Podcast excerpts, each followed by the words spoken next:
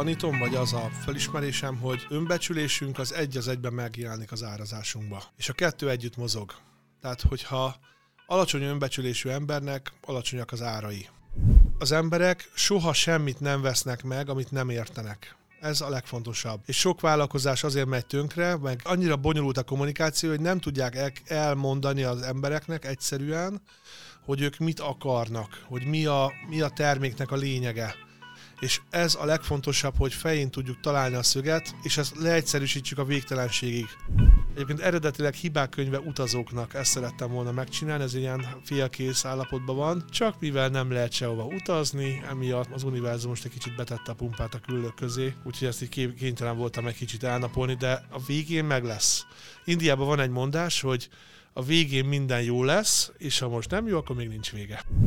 Sziasztok, üdvözlünk mindenkit a Szintlépés Podcast következő epizódjában. Műsorvezető társammal ma is Bolya Imrével.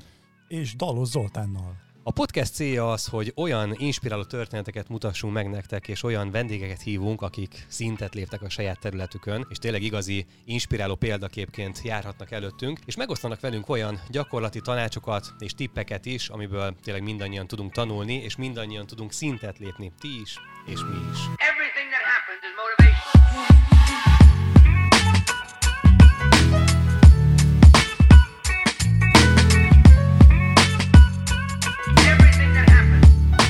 Mai vendégünk is egy igazi szintlépő, aki nem más, mint Weiser István. István marketing stratéga, író, előadó, tanácsadó. Több mint öt könyvet írt már, melyek közül a Zászlós hajó az árazás 48 törvénye címet viseli. Ő azt vallja, hogy mindenkiben van egy könyv, és tartozunk azzal magunknak és másoknak is, hogy azt megírjuk és kiadjuk több mint két évtizednyi tapasztalatának, közvetlen stílusának és gyakorlati példáinak köszönhetően a marketing konferenciák egyik legnépszerűbb előadója Magyarországon. Előadásaiban zseniálisan ötvözi a történetmesélés, a humor és a szókimondó, közérthető kommunikáció elemeit. Rendkívül energikus, gyors észjárású, kreatív, alázatos és őszinte szakember. Munkáját áthatja a szolgálatkészség mindig elsöpör az energiája és a kifogyhatatlan sztoriainak a tömege, írja róla az egyik ügyfele. Mellesleg István rajong a keleti kultúráért, rendszeresen tölt hosszabb időt Ázsiában.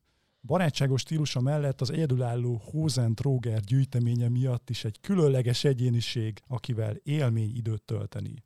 István, szeretettel köszöntünk itt a stúdióban, és nagyon köszönjük, hogy itt vagy, hogy elfogadtad a meghívásunkat. Köszönöm szépen, hogy itt lehetek, meg a meghívást is nagyon köszönöm. Igyekszek így megfelelni ennek a sornak, ami így bánt van. Ezeknek nem kell megfelelni, ezek már, már régen, réges-rég megfeleltél szerintem. Hát tudod, csak ez olyan, mint a szex előtt, hogy de jó leszel. Tehát, egy kis malomkövet beleakasztottatok most a nyakamba, de azért bírom, bírom. Honnan jött a rajongásod a keleti kultúráit? Ez az első, amit, ami, amire nagyon kíváncsiak vagyunk, és ha már ugye marketing stratéga is, vagy a marketing a, a szívügyed, a szenvedélyed, Miket tanultál ott kint az eddigi utazásaid alatt? Mindenkinek az ilyen spirituális hívását, azt így, az így belülről jön. Nekem annyi a sztorim, hogy én általános iskolás koromban, illetve középiskolás koromban egy tíz évet jártam hittanra katolikus iskolákba, vagy meg katolikus templomokba. Nekem egy picit valami hiányzott. Tehát, hogy attól függetlenül, hogy nyilván az embernek, hogy formálja a világát az, hogy, hogy van hite, de hogy egy kicsikét úgy éreztem, hogy nem kaptam mindenre teljes magyarázatot, és aztán, ahogy jól emlékszem erre a, a találkozásra, egyik, talán hetedikes vagy nyolcadikos koromban, egyik nyáron, és strandon olvastam egy hirdetést, hogy lehet egy ilyen meditációs technikát megtanulni, egy ilyen indiai meditációs technikát amerikai tanároktól. És akkor elmentem, és megtanul, megtanít, vagy megtanultam egy nagyon jó technikát, és akkor kaptam nagyon jó ilyen könyveket, elkezdtem így irodalmat olvasni, akkor még nagyon kevés irodalom volt Indiáról, és aztán így szépen így, aztán kaptam egy Bhagavad Gita-t, és aztán egy kicsit így beleolvastam ebbe elég sokat, és aztán így olyan, mintha ilyen puzzle így helyére kerültek volna az életbe, és valójában első ilyen ázsiai utam az egyből India volt, egyből egy ilyen hardcore, és emlékszek, a Krishna tudatú hívőknek egy ilyen szervezése volt, tehát egy ilyen nagyon autentikus út volt a Tócsoma László, nekik azt hiszem, hogy a, most a dékánya a hitudományi főiskolának, már mint a Baktinak, ő vezette a túrát, és hát az élmény volt magát azt így ott megtapasztalni, mert egyébként egy eléggé kultúrsok, amikor kimész Indiába, amikor leszállsz a gépről, megcsapja az orrodat az az India szag, egy ilyen, egy ilyen füstös dolog, sose fogom elfelejteni, ott állt egy a nagyon profi modern reptérről kimentünk, és ott állt egy tehén, ami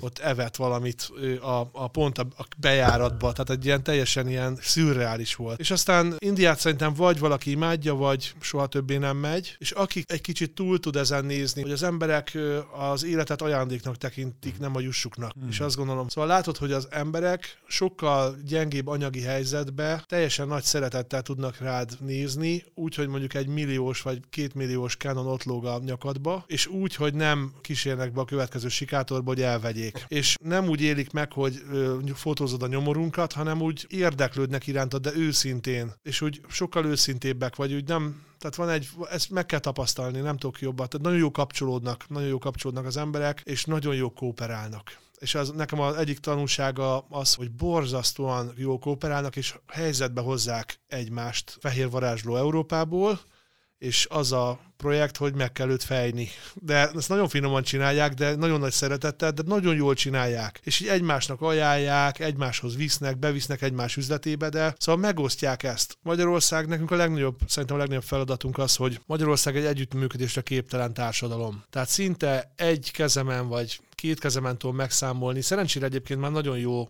trend, és ez a mai beszélgetés egy ilyen trend. Jól tudunk kooperálni, de szinte, mondom, két kezemen meg tudom számolni azokat a versenytársaimat, vagy akik így, hogy meghívjuk egymást, a helyzetbe hozzuk egymást, és így nem az van, hogy összeveszünk a minyonon, hanem eldöntjük, hogy egy nagy tortát fogunk együtt sütni. Úgy, hogy elcsapjuk a végén a hasunkat a tortával, de hogy ezt mi nem tudjuk eldönteni. Az első egyébként egy ilyen élményem volt, hogy volt szerencsém a, a Tui-nak dolgozni, aki, egyébként német piacvezető utazási iroda, csak aki nincs képbe Tui-val, és volt ilyen több study volt szerencsém részt venni, ahol például osztrákok, osztrák hotelek összefogtak azért, hogy magyar utazási irodáknak egy adott sírégiót így megmutassanak. És ott volt olyan hotel, akinek volt száz szobája, meg volt négy szobás hotel is, és a négy szobás hotelben is voltak négyen, és a száz szobásban is négyen, nyolcan, de nem rinyált a négy szobás hoteles, hogy ő neki ne legyen már tele a hotelje, mert akkor ő nem tud addig vendégeket fogadni, és a száz szobás hoteles, te meg már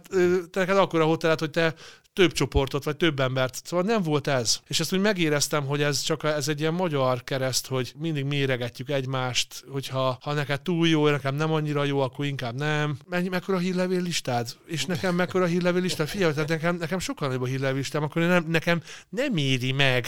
Figyelj, a barátság az nem arról szól, hogy valamikor nem éri meg a barátság, de hát ez nem, hát pont ez a lényeg, hogy attól barátság, hogy, hogy nem kell jól járni. A barátságban nem kell jól járni. De még nem mondom, hogy nyilván üzletben jól kell járni, de hogy ezt a mentalitást ezt nagyon meg kell tanulnunk. És itt ugye, ha, ha jól tudjuk, akkor ugye évek óta már nyilván most ez a mostani időszak egy kicsit kivétel, és talán neked is hiányzik már a, a hosszabb Ázsiában töltött időszak, hogy az elmúlt években azért úgy indítottad az évet, ha jól tudjuk, hogy egy-másfél hónapot kint töltöttél. Munkával is telt, és uh, ilyen digitális nomád életet éltél, tehát kint is, vagy pedig az teljesen relax volt mindig, és, uh, és olyankor kikapcsoltál? Hát szeretném azt hazudni, hogy, hogy kikapcsoltam, de nem sajnos.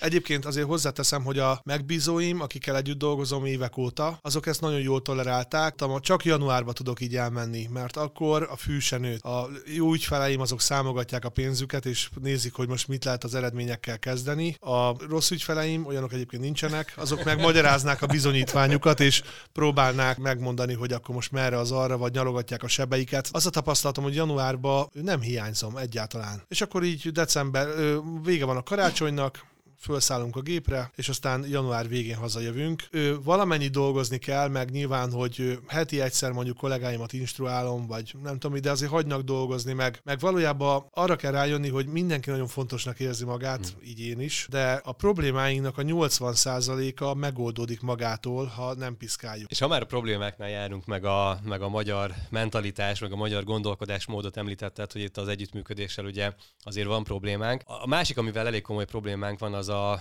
önértékelésünk, meg az árazásunk. Miért lehet azt szerinted, hogy nagyon sokan nem tudják megkérni az árát a terméküknek, szolgáltatásoknak? Hát egyértelműen én azt tanítom, vagy az a felismerésem, hogy önbecsülésünk az egy az egyben megjelenik az árazásunkba. És a kettő együtt mozog.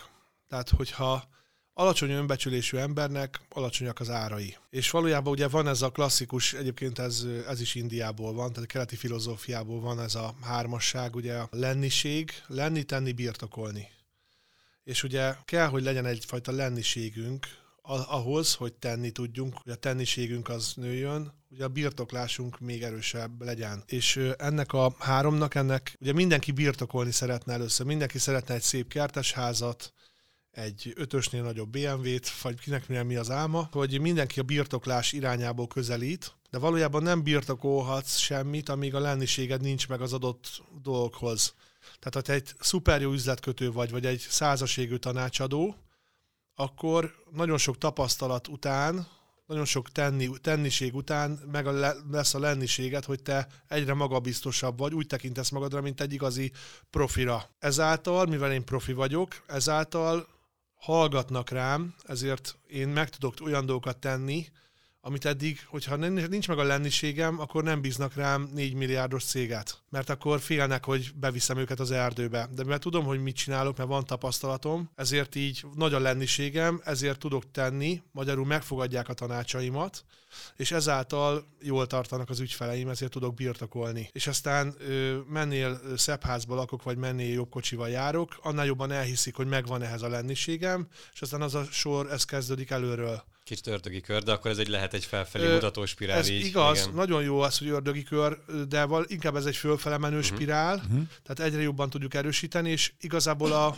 a lenniségünket az a legnehezebb, amikor kezdők vagyunk mindenki, mindenki egyszer kezdő. Így van. És aztán valakinek meg kell tartani a leges, a sebésznek is meg kell csinálni az, az első vakpírműtétet, és lehet, hogy rajtad csinálták, csak senki nem szólt. Tehát, hogy ez egy, ez egy jó kis gondolat, hogy tudod, hogy most valaki beül a világ legrosszabb fogorvosának a székébe, gondolsz, hogy senki nem tudja, hogy ki ül be, de valaki most épp beül. Tehát, hogy ez egy jó, ez egy jó kis gondolat. Na és a, amivel a lenniséget, tehát, hogy arról, most ar, arról szeretnék egy kis egy pár mondatot mondani, hogy a, a, a kulcs az, hogy a lenniségünket föl tudjuk erősíteni, de az, az nem, szóval ez biztos, hogy nem lehet légvár. Tehát ezt nem csinálhatjuk azt, hogy én azt mondom, hogy én egy profi sebész vagyok, és a végén a félúton kiderül, hogy mégse, és aztán végén meghal valaki a műtőasztalon. De ugyanakkor valakinek nagyon sok embernek szerintem megvan a lennisége, csak ő nem tudja belül magáról. Tehát nagyon, inkább azt mondom, hogy nem elég tojást tojni, hanem kukorékolni is kell.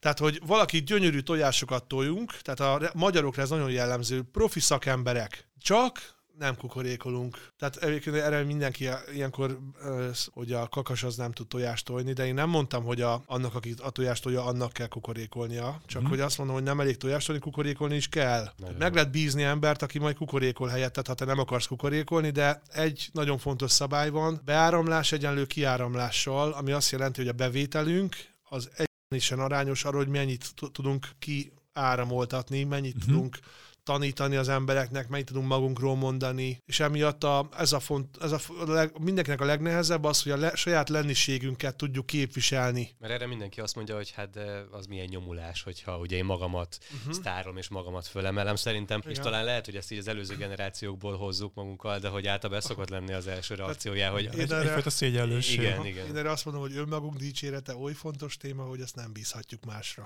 Most ilyenkor egy nevetésbe kell kapcsolni. Jó, Szóval a lényeg az, hogy magunkkal azért jóba kell lennünk, vagy legalábbis tudnunk kell a saját értékeinket, és sokszor a lenniségünket azt meg kell erősítsük, vagy segítenünk kell azt, hogy ezt a többiek is észrevegyék. Tehát, és erre mondjuk például a könyv az a legjobb példa. Nem tudok semmi módszert, ami például a lenniségünket jobban beerősíti, ha írunk a témánkba egy könyvet És hogyha mindenkinek van egy ilyen témája, ami én szerintem, az én elméletem szerint, mindenki egy dologgal már eltöltött tízezer órát, és akkor, akkor ott neked kötelességed, vagy legalábbis van lehetőséged azzal kapcsolatban, hogy, hogy ha tízezer órát foglalkoztál valamire, akkor te jogod van, hogy könyvet írj, illetve még egy dologra fölírnám a figyelmet, hogy a könyv ez egy tanulságtétel a témád mellett. Tehát, hogyha valami olyan fontos neked, hogy te arra képes vagy könyvet írni, akkor az felerősödik a világba is annak a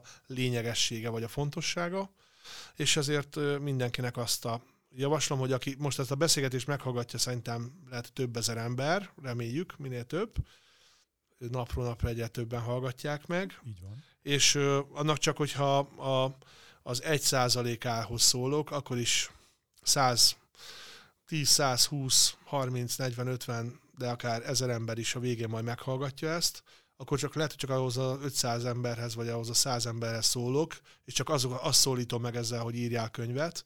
De szerintem abban tartozunk, igen, tartozunk magunknak is, meg a teremtőnek is, meg a többieknek is, hogy, hogy ez nem maradjon bent, mert mi még valameddig bent leszünk ebbe a testbe, ugye egy pár 40-50 évig, aztán leadjuk a szerelést, és hogyha, hogyha nem, ha nem tudjuk, nem tudjuk kiírni magunkból, akkor azt elvisszük magunkkal. Erre hadd erősítsek rá, amikor eldöntöttem, hogy könyvet fogok írni, akkor István, ugye elmentem a, a könyvírás szemináriumodra, és nekem ott volt egy olyan mondat, ami, amit a mai napig viszek magammal, pedig az, hogy az a téma, amiről azt gondolod, hogy az triviális, mert neked az annyira természetes, na arról kell könyvet írnod mert ami neked triviális, az nagyon nem triviális másoknak.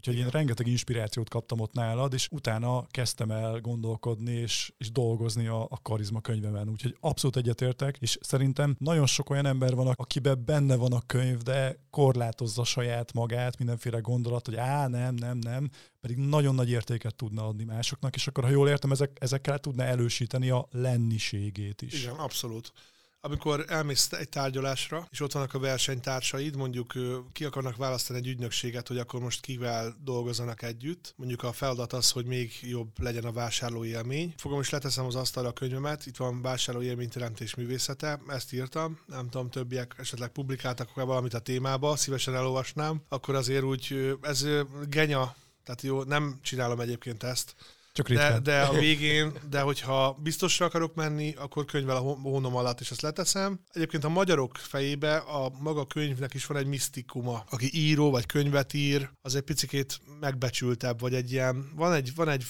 presztízse. Egy, egy presztízse. Igen, igen, köszönöm igen, ezt a szót. Van egy presztízse ennek, és azt szerintem ezt, hogyha csak egy könyv, hogyha csak egy 50 oldal, de az egy könyv. Mondjuk nyilván mindenkit lebeszélek, hogy most bullshiteket írjon, de hogyha van benne, azt érzed magadba, hogy van egy ilyen hívásod, és akkor szerintem ezt így menni kell. Tehát hív, hogyha hív a könyv, akkor a szólít a könyv, akkor meg kell írni. Emegeted a vásárlói élményteremtést. Ez is egy fontos témád. Mesélsz néhány olyan élményt az elmúlt évekből, ami meghatározó volt számodra, mint, mint vásárlónak, és amit akár tanítasz is ügyfeleidnek, partnereidnek? Biztos, hogy rengeteg Sok minden. ilyen van. Tehát még például nagyon szeretem a vendéglátást, és ott, ott igazából ott részleteket, egy-egy mondatot, hogyha elkap. A kettőt még kombinálva, például Indiába, ott nagyon nagy verseny van, tehát nagyon sokat számít az, hogy eladnak neked, és ott a leges legjobb sales prezentációkat néztem végig. A legemlékezetesebb az volt, ezt elmesélem csak azért, hogy ez egyszerre nagyon tanulságos is, meg vásárló élményteremtésbe is a non plus ultra volt számomra, és ezt ritkán is mesélem ezt a történetet. Lényeg, hogy ugye mondtam, hogy Indiába visznek egyik üzletből a másikba, a sofőr azt mondja, az unokatestvérének itt van egy ilyen sejemboltja, nézzük meg, megmutatjuk, hogy készül a sejem. És akkor hát nem nehezen mond nemet, jó, hát bekeveredtünk egy ilyen sejemboltba, ahol ilyen szárik voltak, szári anyagok, és ezt már az első öt percben láttuk, hogy itt mi nem fogunk semmit venni, mert nem, egyszerűen nem tudjuk mire használni. És akkor látta egy srác, hogy hát ez egyre reménytelenebb, hogy nem fogunk ilyet venni. Aztán egyszer csak így azt mondta, vegyél egy, és a nagyon jó volt, egy, egy nagyon kedves barátommal volt kint, aki egy nagy gyógyszeripari cégnek volt a kereskedelmi igazgatója. 50-100-300 milliós gépek, meg röngenek, meg CT-knek az eladásával foglalkozott, tehát hogy nagyon komfortosan mozgott, nagyon nagy árakkal tárgyalt, tehát egy igazi rutinos, nagyon profi tárgyalóval mentem le, és aztán azt mondja a srác, hogy figyelj, vigyél édesanyádnak egy ilyen kendőt, egy gyönyörű sejem szemkendőt Indiából. És akkor hát jó, hát ez jó ötlet, nézegetjük, tényleg gyönyörű kendők voltak, és ő azt mondja, mennyibe kerül. És akkor mondta, mondott rá ilyen 100 euró környéki, viszonylag azért magas indiai árképzéshez képest magas árat, de ez tényleg egy ilyen handmade, nagyon gyönyörű dolgok voltak, és erre azt mondja Gábor, hát ez túl drága. És erre az indiai azt mondja, shut up! Akkor így egy pillanat alatt így megfagyott a, a, a boltba a levegő, tudod így a vevőnek ezt így letolni, erre az indiai szépen mélyen meghajolt, és azt mondta, bocsánatot kérek, csak kicsit elragadtattam magam, mert az indiai kultúrába olyat nem mondunk édesanyánknak, hogy drága. Jó, jó, jó, de erős. Szerinted megvettük? Tízet vettetek azonnal. Úgyhogy utána még rám melegítettek egy, egy teve, egy teveszőrsálat. Na, azt még, egy, azt még elmondom, mert az a, az a prezentáció csúcsa még. Elmagyarázták, hogy e megint teveszőr, tevesál, az nagyon-nagyon, ez nagyon drága, very expensive. És kérdeztük, hát miért? Mondja, hogy ez nagyon jó kérdés, hogy miért drága ez a teveszőrsál, ugye ez nyáron is lehet hordani, nem izzadsz bele, és egyébként ez tényleg így van, de döbbenetes, hogy télen is meleg, és nyáron se izzadsz be. Életem legjobb sales prezentáció következik, csak ugye a hallgatók figyelmébe ajánlom. Kevesen tudják, de a tevének három fajta szőre van. Van a legegyszerűbb teveszőr, a teve hátán van, az a legolcsóbbik, mert az egyszerre veri az eső, és egyszerre éri az UV. Nagyon-nagyon ki van strapálva. A következő minőség, ami már egyen jobb, az a teve hasán van, azt UV nem kezdi ki, eső se nagyon éri, de ott a port állandóan fölveri is, ezért az meg állandóan nagyon piszkos, nagyon nehéz kitakarítani. De az igazi teveszőr, az ott van a tevenyakán. Az egy, az egy kb. egy ilyen négy tenyérnyi hely, ott a legfinomabb, ott nem éri az UV, nem éri az eső, és az a legfinomabb, ilyen bolyhos. Kitette, a, kitette az ember a háromfajta teveszőrt a pultra, így bele lehetett így túrni a kezeddel, és azt mondták, ebből a prémium kasmír szőrből, na ebből van a sál. Legjobb, tehát így álltunk, és jegyzeteltem, utána hazamentem, és így fél órákat jegyzeteltem egy-egy ilyen sales prezentáció után, mert a zseniális az nem elég jó szó erre. És egyszerre volt vásárlóélmény, mert azért vettem meg, már nem, már nem volt, nem érdekelt, azért vettem meg ezt a teveszőrsálat, hogy tudjak róla beszélni, vagy el tudjam mondani egy szemináriumon, hogy így kell eladni valamit, a legjobb sztorival, és úgy, hogy nincs vita, és élveztem minden percét, nem sajnáltam egyáltalán, kifizettük érte a pénzt, és mai napig megvan, és nagyon jó. Vagyis ez, ez, a, ez a fajta élmény az, amit én keresek. Amire végén kijövök, és azt mondom, mert én nem egyáltalán megérte ez. Tehát Nárai Tamástól hallottam ezt a mondatot, hogy nem az a baj, hogy valami drága, hanem az a baj, ha valami nem éri meg az árát. És nagyon ez... jó, és rengeteg sztorid van István, és uh, tényleg ezt nagyon jól tudod gondolom az előadó, előadásaidban használni ezeket a, ezeket a példákat. És Imi, neked milyen élményeid vannak itt a István előadói pályáról. Meglepetésként hogy elmesélem István neked az első találkozásunkat. Nem egy... emlékszem rá, de már Ki emlékszik már rá, ugye? Igen, igen, igen. De ugye István, te sokat szoktál előadni, egyrészt a saját szeminár, maidon, konferenciákon, és válasz még ilyen vendégelőadásokat is, vendégelőadóként. És egy ominózus előadásodra mentem el, mert hallottam már a Weizerről, sőt, akkor már olvastam a könyvedet, tehát már fel voltál építve nálam. Egy Toastmasters előadáson voltál. Most már emlékszem. Vendégszereplő, erre a találkozásra. És a, a tartalom, az előadásmód, a sztorik zseniálisak voltak, csak nekem van egy ilyen white fülem, és én, én észreveszem a, a közel tökéletesben is a hibát, és neked akkoriban volt egy hibád, ami Igen. pedig az volt, hogy feltűnően sokat használtad az ő, ő, ő, ő hangot, ami számomra egy olyan, mint amikor voltak ezek a régi színes tévék, emlékeztek rá, talán kedves hallgatók is, akik még, még nem annyira fiatalok, és amikor annó mákos volt a kép, akkor persze láttuk péntek este, hogy Joki éppen kivel és milyen viszkit iszik, de azért mégiscsak zavaró volt. És mennyivel jobb manapság, egyáltalán nézünk tévét, ezt a gyönyörű, tiszta, éles képet nézni, és nagyjából ilyen volt a te előadásod is, hogy ilyen őkkel, kicsit ilyen, ilyen mákossá tetted a képet. És akkor vettem magamnak a bátorságot, egyébként sokat gondolkodtam, hogy oda menjek, vagy nem menjek, oda mentem, bemutatkoztam, elmondtam őszintén, hogy zseniális az előadásod, tetszenek a sztorik, és így van egy dolog, amivel még jobbá lehetne tenni, még nagyobb élményt tudj okozni a közönségednek. Igen, mi az? Valami ilyesmi volt a válasz.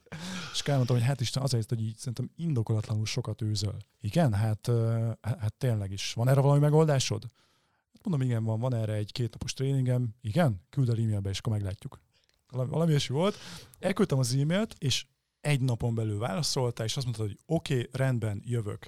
És ezt azért is hozom be, és szerintem ez is egyik titka a te sikerednek, hogy olyan szorgalmasan, alázatosan vettél részt a tréningemen, mind a két tréningemen, mert nagyon sokat adsz elő, nagyon sok rutinod van már, de nálam is kerested azt a kis pluszt, amivel többé tudsz válni, és ez nem csak az őzés elengedése volt, hanem olyan mesterfogásokat hallottál és, és tapasztaltál meg, amitől még jobb előadó tudsz lenni. Szóval nekem ott még nagyobbat nőttél a szememben, és ezért is javasoltam Zolinak, hogy Weiser István mindenképp hívjuk meg, mert szerintem van egy, egy nagyon magabiztos, energikus fellépésed, és mellé van egy nagyon alázatos, szolgálatkész hozzáállásod és gondolkodásod is. Hát tudod, megedő órákat adok, veszek. Na, szerint én ezt úgy, úgy hívom, egyébként a, az egy kicsit hajaz a műsornak a címére, hogy nekem van egy ilyen világító lépcső elméletem, hogy minden embernek az életében van egy világító lépcső most, amire fel kell lépnie de mindenki tudja, nagyon jól tudja, hogy mi ez az ő világító lépcsője, csak be van szarva. Nem, nem lép föl, kicsit komfortzónázik, nem vág bele, totyorog, mint a szarogalambott a lépcsője előtt, de nem, nem lép föl. És azt gondolom, hogy föl kell lépni. És mm, igazából nekem ez az, hogy én eljárok, mai napig eljárok mindenfajta olyan tréningre, tehát, hogy én nagyon szeretek tanulni. És az egyik tréningről, hogyha egy tréningből csak négy-öt gondolatot viszek haza, már az is nekem tökéletesen jó, meg, a, meg akikkel együtt tanulok, az is egy nagyon nagy élmény, hogy kikkel ismerkedsz meg ott, meg kivel találkozol. Hiszek nagyon ezekben a találkoz, találkozásokban. Van, a, van egy ilyen keleti mondás, hogyha a kész van a tanítvány, akkor eljön a mester is. És így jöttél nekem is el, hogy meghívtak erre a Toastmasterre, már mondom, akkor elmegyek, megnézem már, hogy így legalább kapok visszajelzéseket, mert az nem visszajelzés, hogy úgy de jó. Tehát, hogy, hogy az, a, az a... Én, nekem már nincsen bajom, hogy összetörik a váltömésemet időről időre. Tehát, hogy így nem. Annyi, annyira jók ezek a metaforák, meg példák. Úgyhogy hát igazából ez, ebből, ebből lehet szerintem fejlődni. Tehát, hogy időnként pofán kell, hogy verjenek itt-ott, hogy ne szállj el annyira. Hmm. Meg, hogy nekem az a célom, hogy akikkel én dolgozom, azok gyorsabban érjék el, amit akarnak. Hmm. Ez a cél. Minden szemináriumot ezért csináltam, könyvírás, árazás kurzus, könyvek ezért vannak megírva, hogy egyszerűen kevés az időnk, egyáltalán nincs időnk, tehát, hogy mindenkinek gyorsabban kell, hogy haladjon. És nekem az a célom, hogy te gyorsabban érd el, amit akarsz. És ha, ez a, a, ha ennek a célnak még gyorsabban, még, hogyha még jobb előadó vagyok, még jobban tudok kommunikálni, még több értéket tudok átadni, és ebbe az irányba haladok, akkor az, aki ebbe tud engem támogatni, annak én elmegyek a kurzusára, meg elmegyek a előadására, meg helyzetbe hozom, meg amit, ami, ami történik, azt megcsinálom és ez egy, ez így oda-vissza tök jól működik. Valójában egyébként a, még a leges-legelső gondolatomra visszareflektálva a, a Magyarország egy együttműködésre képtelen társadalom, csak egyetlen egy kiút az a példamutatás. Tehát, hogy tassunk példát, hogy ezt hogy kell csinálni, és egyébként vannak nagyon jó példák. Tehát, hogy van nem egy olyan trénertársam, vagy marketingesek, én, én szinte azt mondom, hogy mindenkivel jóba vagyok így a saját szakmánkba, és szerintem ez, ez a jó. Tehát, hogy ez, a, ez, a, ez az egészséges, mint hogy azon, azon kelljen keseregnem, hogy ő nála hányan voltak, vagy nálam hányan volt. Meg a másik az, hogy teljesen naív azt gondolni, hogy most eljönnek Weiser István árazás kurzusára, és hazamegy, mindenki is kész van. Hát dehogy lehet, dehogy Persze. van kész. Hát, és van millió egy kurzus, amire el lehet menni. Utána lehet ebbe is fejlődni, marketing, szövegírás, storytelling, vannak egy csomó téma specifikus, vagy ilyen különféle specifikus témák, amiben lehet-lehet fejlődni, és a, azt gondolom, aki, szóval ne higgyük azt, hogy egy mester van. Tehát jó, egy mestert választottunk, nyilván, hogy ássunk le a legmélyére, de szerintem több mestertől kell tanulni, akkor leszünk jó vívók. Ha már mesterek, elég sok helyen említetted a te egyik mesteredet vagy mentorodat, és szerintem ez is egy olyan témakör, amiben nagyon egyetértünk a, ennek az egész mentorálásnak, vagy mastermindnak az erejében, és hogy tényleg olyan személyektől tanuljunk, akiket, akiket hitelesnek tartunk. És ugye Vermer András nevét említed ö, több helyen. Igen. Mik azok a, a legerősebb alapelvek, amit tőle, tőle tanultál? És, és hogy, hogy, hogy, alakult, és hogy alakult a kapcsolatotok, igen, még az, az nagyon érdekes. Az nagyon érdekes sztori. Igazából a, a Wolf Gábornak volt egy nagyon, egy, egy mastermind programja, amire emlékszem, hogy amikor beneveztünk rá, akkor nagyon kifeszültünk, mert egy kicsit erőnkön fölül te, volt ez a... De igazából nagyon támogató volt a Gábor is, meg igazából a csoporttagokban is sikerült zseniális embereket összehozni. Például a Dubrovski Gyuri is ennek a csoportnak volt a tagja, sajnos már ő se él, és sokan meghaltak ebből a csoportból, ami nem olyan túl jó ómenj ennek a csoportnak, de ettől függetlenül azért még páran élünk. És ott találkoztam az Andrással. Utána igazából egy nagyon jó atya-mentori kapcsolatunk volt. Én nagyon tiszteltem őt, meg rengeteget tanultam tőle. Dolgoztunk együtt is egy jó pár projekten, és hát sajnos három évet tudtunk együtt tölteni, és amiket a, a legfontosabb ilyen vermeri alapelvek, azt én a címkézés című könyvemben egyébként leírtam, tehát hogy van egy ilyen kivonata ennek, azért címkézés a neve, mert döntési szempontból háromféle személy van. Ugye van a 0,1% az embereknek, ők a racionális gondolkodók, ők hidegen, a csak adatok és tények ismeretében tudnak döntéseket hozni, de ők olyanok, mint Mensátor Magdolna, hogy tudjuk, hogy létezik ez a nő, de még senki nem találkozott vele élőbe, úgyhogy ez a, ez a 0,1 aztán a 98,9 tehát majdnem 99 az embereknek szavakba és címkékbe gondolkodik, minden címkézünk. Autókra, emberekre ragasztjuk a címkét, ez megbízható, ő rendes, ő okos, tehát hogy mindig folyamatosan címkéz, az, az agyunk az állandó mindent lecímkéz, és valójában ö, vannak úgynevezett címke komplexek, mém komplexek, amikor azt mondod valamiről, hogy német, a, az, hogy valami német, az azt jelenti, azok, azok sok mémből áll össze. Precíz, megbízható, műszakilag kifogástalan, időtálló, nincs humorérzéke, szereti a sört. Kicsi szögletes. Ez, igen, ez mind a németségnek a, a, hogyha valamiről kiderül valami tárgyról, vagy műszaki eszközről, hogy német, az nagyon jó. Ha kajáról derül ki, hogy német, az annyira nem jó. De hogyha arról meg kiderül, hogy olasz, az meg akkor, akkor meg megint csak jó, de mindennek vannak ezek a címkéket, ezt folyamatosan használjuk, és valójában az egy százalék az embereknek, azok ők a címkegyárosok, és ők irányítják a, a 99% teljes gondolkodását a címkéken keresztül. És az András is egy ilyen mágus volt, egy ilyen címkegyáros volt, és ennek, az alap, ennek megvannak az alapelvei, például az egyik kedvencem az, hogy kettőt mondok el, az egyikhez adok egy sztorit is. Az egyik az az, hogy ami bement a fejekbe, az Isten onnan ki nem veri. Amit gondolunk valamiről, vagy amit van egy állásfoglalásunk valamivel kapcsolatban, azt nagyon nehéz megváltoztatni, az már bent van a fejekbe. Ez is egy vermeri példa. A Trabant egy nem túl jó autó, a Mercedes az meg egy kiváló kocsi, és hogyha van egy Trabantod, ami 7 éve egy Ferdét nem pöffentett félre, akkor nem azt mondod, hogy milyen jó kocsi a Trabant, hanem hogy milyen szerencsé van ezzel a szarra. Hogyha meg a Mercedesed a első sarkon darabjaira hullik, amikor kihoztad a szalomból, akkor nem azt mondod, hogy a Mercedes egy pocsék kocsi, hanem hogy milyen pekhen van a remek kocsival. Valójában az emberek fejébe ezek a pozíciók már nem változnak, tehát ebből az a tanulság, aki hallgatja egy marketingesként, vagy cégvezetőként, hogy az autó kategóriába a Trabantot a Mercedes mindig meg fogja előzni, és a hiába költünk bármennyit a Trabantra, az mindig Trabant marad, és nem fogja megelőzni a Mercedes-t. És akkor egy csomó ügyfelem azt kérdezi, jó van István, de nekünk Trabantunk van, akkor mit csináljunk? Akkor két tanácsom van. Az egyik az az, hogy ne indítsd el sose, ne költs egy fillért se arra, hogy a Trabantod megverje a Mercedes, mert nem fogja. A következő tanácsom az, hogy lét, hozzá létre egy új kategóriát, amiben te lehetsz az első. Az autókategóriát, azt felejtsük el, abban mert Mercedes az első, de mondjuk legyen az a példa kedvéért mondjuk a műanyag karosszériás kocsik kategóriája, és akkor a, ha a Trabantot betesszük ebbe a kategóriába, akkor azt mondod, hogy a Trabant, a műanyag karosszériás kocsik mercedes -e. A legfőbb tanulságom a Vermeer Andrással való munka után, hogy a munkát azt mindig az emberek fejébe végezzük. Tehát hogy az illúzió, hmm. hogy, hogy kint, meg papíron, hanem mindig az a lényeg, hogy ki mit gondol rólunk. Tehát, hogy mi, a, mi ez a gondolatiság, és hogy mindenki a saját gondolatvilágába el van foglalva, mindenkinek van egy templom tornya, ami a világ közepe és abból, abból a perspektívából nézzük a dolgokat.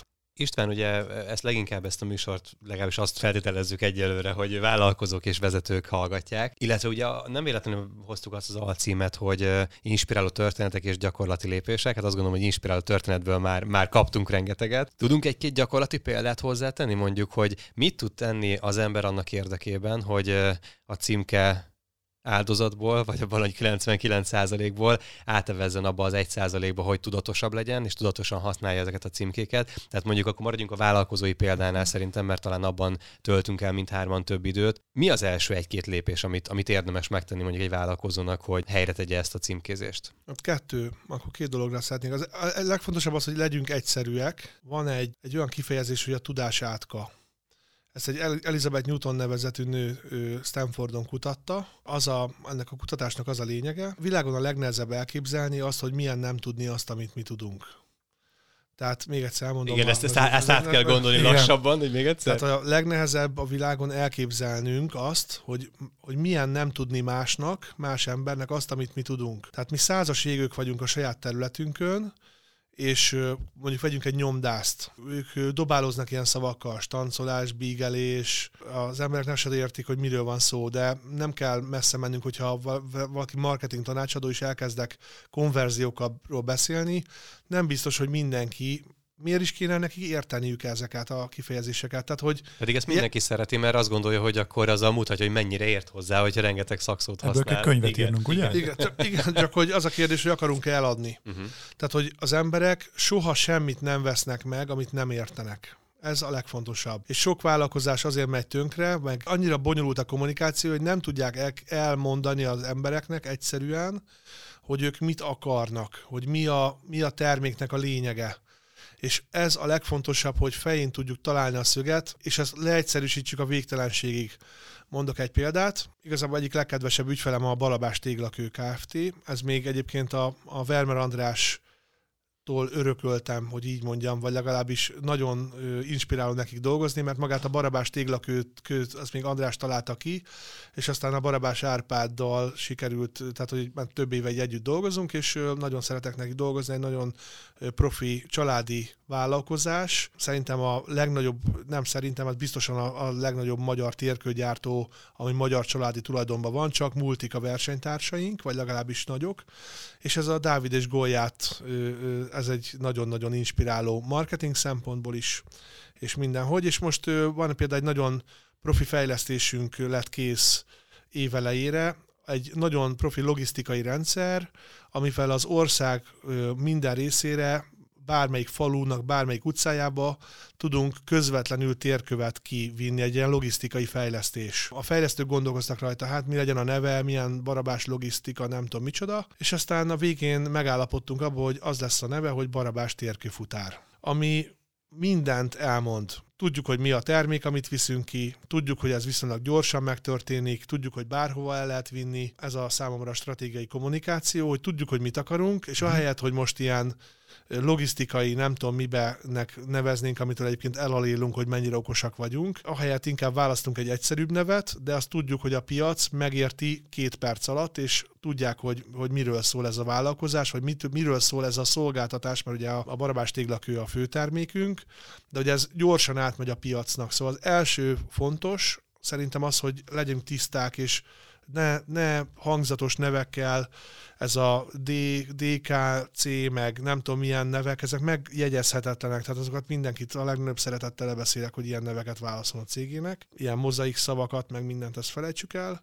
És akkor a második, amivel a legesleg több eredményt érem el, vagy ami a leg, hát amivel, amivel gyakorlatilag a legeredményesebben ö, ö, amit mindenki tud használni, az a szűkítés. Ne akarjunk mindenkinek eladni, lőjünk ki egy célpiacot, vagy egy célcsoportot, annak az adott dolognak a specialistái. És akkor ehhez is mondok egy példát, csak hogy, hogy ne, ne álljunk meg ez a levegőbe. Van egy nagyon kedves család, aki, akik néhány éve eljöttek egyik, egyik ilyen termékteremtő mastermind programomra. Azért termékteremtő, mert a termékteremtés az nekem azt jelenti, hogy hogyan lehet olyan terméket vagy szolgáltatást létrehozni, amit nem nekünk kell eladni, hanem a piac akarja azt megvenni. Nagyon fontos, hogy ez az áramlást meg, ez is egy vermeri alapgondolat, hogy az áramlást fordítsuk meg. Tehát fordítsuk meg ezt az egészet. Ne nekünk kelljen tukmálni, hanem a piac akarja ezt, verje az asztalt. Lovas rendőrök karlapozzák a tömeget a cég előtt. Ez a fontos. Az első kérdés, amikor eljöttek erre a, a, erre a csoportra, akkor az volt a dilemmájuk, hogy egyszerre egy nagyon profi asztalos műhely, Egyszerre gyártottak fajátszótereket, egyszerre gyártottak kutyaházakat. És akkor mondtam nekik, hogy ha lehet, akkor specializálódjunk, tehát hogy ne nem jó két fronton vívni, mert nem vagyunk hitelesek. Most, most játszótérben vagyunk a tök jók, vagy a kutyaházba. És mivel nagyon profi játszóterek vannak, meg ilyen skandináv gyártóknak, tudjátok, ilyen erőemelő játszótér, meg ilyen konditerem játszótér, ő nekik egyszerű ilyen kis fajátszóterük volt, ami egyébként 80-as években megállt a helyét a normafánál, de most már nem annyira trendi, meg a mai gyerekeket annyira nem. És ezt mondtam, hogy ezt engedjük el, és mi specializálódjunk kutyaházakra, és nagyon profi kutyaházakat csinálnak, egyébként kutyaházmegoldások.hu, tehát csak az, hogyha valaki meg akarja nézni, csak hogy nem, nem, nem akarom azt, hogy öncélú legyen ez a nem kapok tőlük jutalékot egyébként. Egyszer lesz kutyám, biztos kapok tőlük kutyázat. Na és a lényeg az, hogy ez, megfogadták ezt a tanácsot, és tök jó mi ment. És eltelt két év, és utána visszajöttek, és azt mondták, hát István, van egy kis gáz Hát az mi? Hát az a baj, hogy nagyon sok versenytársunk is elkezdett még kutyaházat gyártani, és beállt a kutyaház piac egy ilyen 75 ezer forintos árra, és mindenki 75 ezerért adja a kutyázakat, de igazából egy néhány éve még ez megérte, de hogy most már valahogy árat kell emeljünk, tehát már most már muszáj, de hogyha meg mi emelünk árat, uh-huh. akkor a többiek mondjuk mi adjuk a kutyázat 90 ezerért, vagy 100 ér, többiek meg 75 ér, akkor azokat fogják választani. Mi a megoldás? Specializáljuk. specializáljuk, további szűkítés.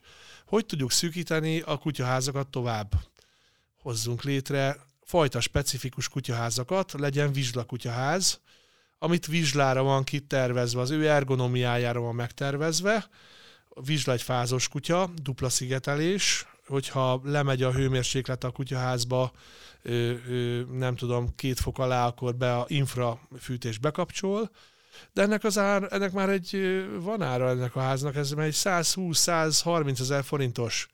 Most az a kérdésem, hogy amikor van egy a családnak egy vizslája, aki egy családtag, és dönteni kell, hogy a 100, a 75 ezer forintos no kutyaház, vagy a specifikusan vizsláknak fejlesztett 120 ezer forintos kutyaház kell dönteni, akkor a gyerekek olyan hisztit vernek le a, a bemutatóterem udvarán, hogy öröm végignézni, és a végén apuka immel ámmal fölteszi az utánfutóra a vizslakutyázat, és szépen hazamennek. És ha van szíve val bárkinek, akkor nem fogja megvenni a nóném kutyaházat. Azt gondolom, hogyha most nyilván extrém esetben igen, de szerintem azt gondolom, hogy tehetős család nem azon a 30-40-50 ezer forinton múlik, de ugyanakkor nyilván, hogy ez egy kis fejlesztés, több szigetelő anyag, de azért több profit is. Úgyhogy hát igazából ez a szűkítés, ami egyébként eléggé félelmetes elsőre. Tehát amikor azt mondom, amikor valaki elkezdi az üzletét, és én azzal kezdem, hogy kinek nem fogunk dolgozni, az, hogy jeget kérnek a tarkójukra többen, hogy, hogy ez most ez egy jó ötlete, vagy ez biztos, úgyhogy ez ez egy ilyen, ez nehéz döntés, de mindenképpen, ha meghozza valaki, az a lényeg, hogy ne szűkítsük túl, tehát hogy mondjuk a, ne a pápának akarjunk öltözködési tanácsadói lenni, mert az eléggé szűk Szűk, szűk piac.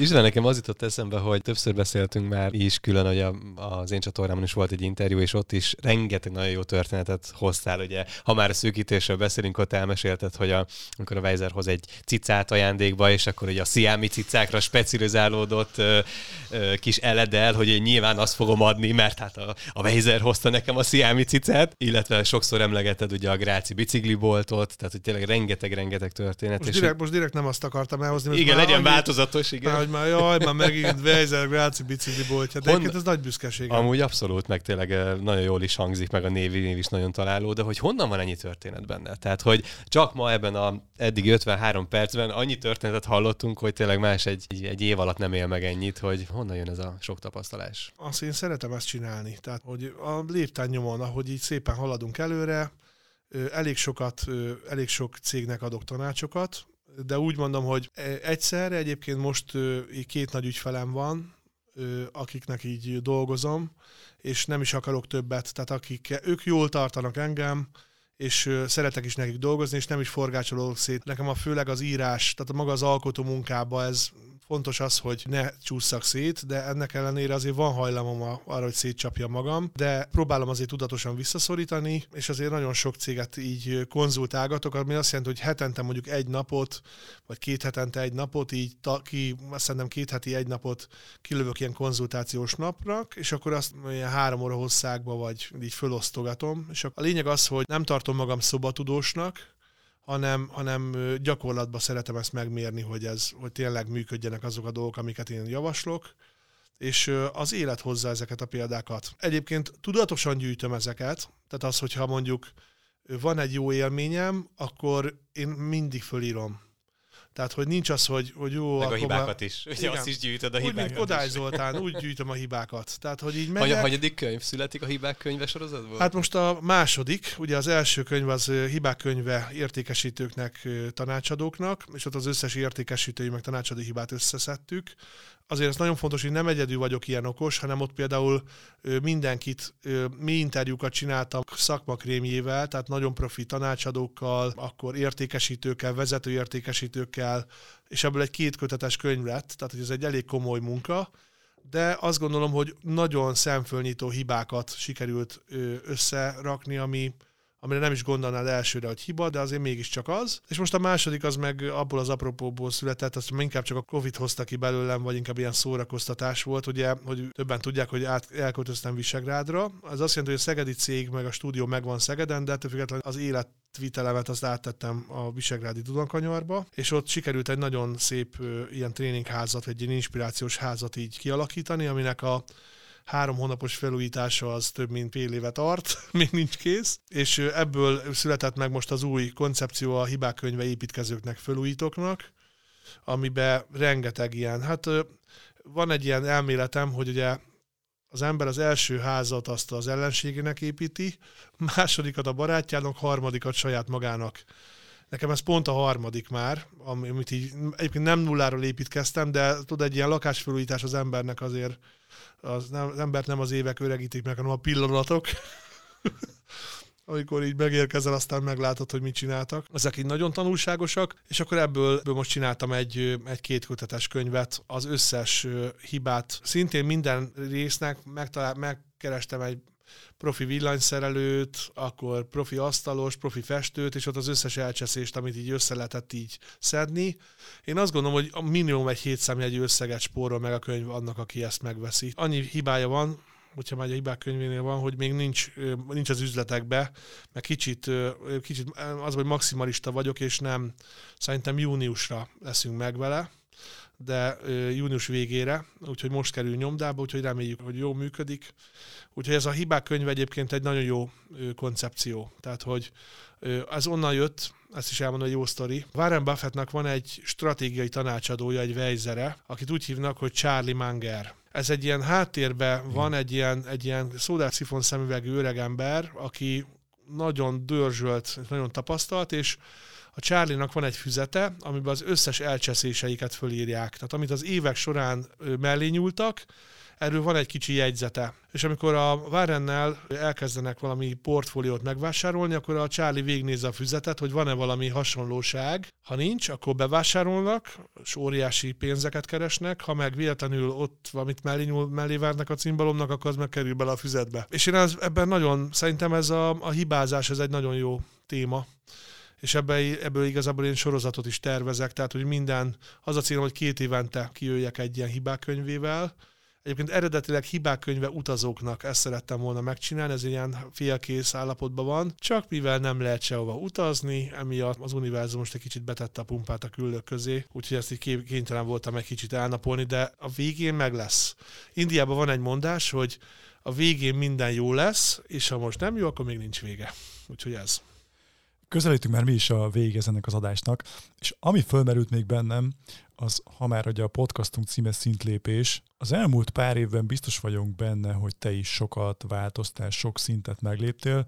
Mik voltak a, a legnagyobb változások és miért történtek ezek? Minek a hatására? Hogy érzed? Hogy látod? Ami most történik egyébként a Covid, az is egy, ez, az is egy ilyen szintlépés, ha tetszik nekünk, ha nem. Mondhatjuk, hogy ezt akarjuk, vagy nem, de ezek ilyen természeti törvények, olyan, mint a gravitáció, hogy most teljesen mindegy, hogy egyet értesz a gravitációval, vagy nem, hogyha kiugrasz a tizedikre, akkor szétcsattansz a betonon, és egy zsíros folt lesz ott a járdán. Tehát, hogy, hogy nem, nem számít, hogy te most ebben ezt helyeselted, vagy nem, vagy hogy ellenállsz. Tehát, hogy valószínűleg valójában van egy ilyen trend, amit nem tudsz megakadályozni. Az teljesen mindegy, hogy most nekem ez tetszik-e, vagy nem. Tehát, hogy mondjuk például nekem nagyon nem tetszik, hogy nem tudok személyesen kapcsolódni, mert nekem a személyes jelenlét, vagy a találkozás az nekem nagyon fontos De mondjuk például ennek ellenére most én elhatároztam, hogy a szemináriumot, a könyvírást mindenképpen személyesen megtartom, aki fél, az streamen fogja tudni nézni, mm. aki meg nem fél, az meg jöjjön és találkozzunk. Próbálom ezt normális keretek közé szorítani. Picit a, ez a Covid egy kicsit lelassított bennünket, és azt szerintem ez jót is tett.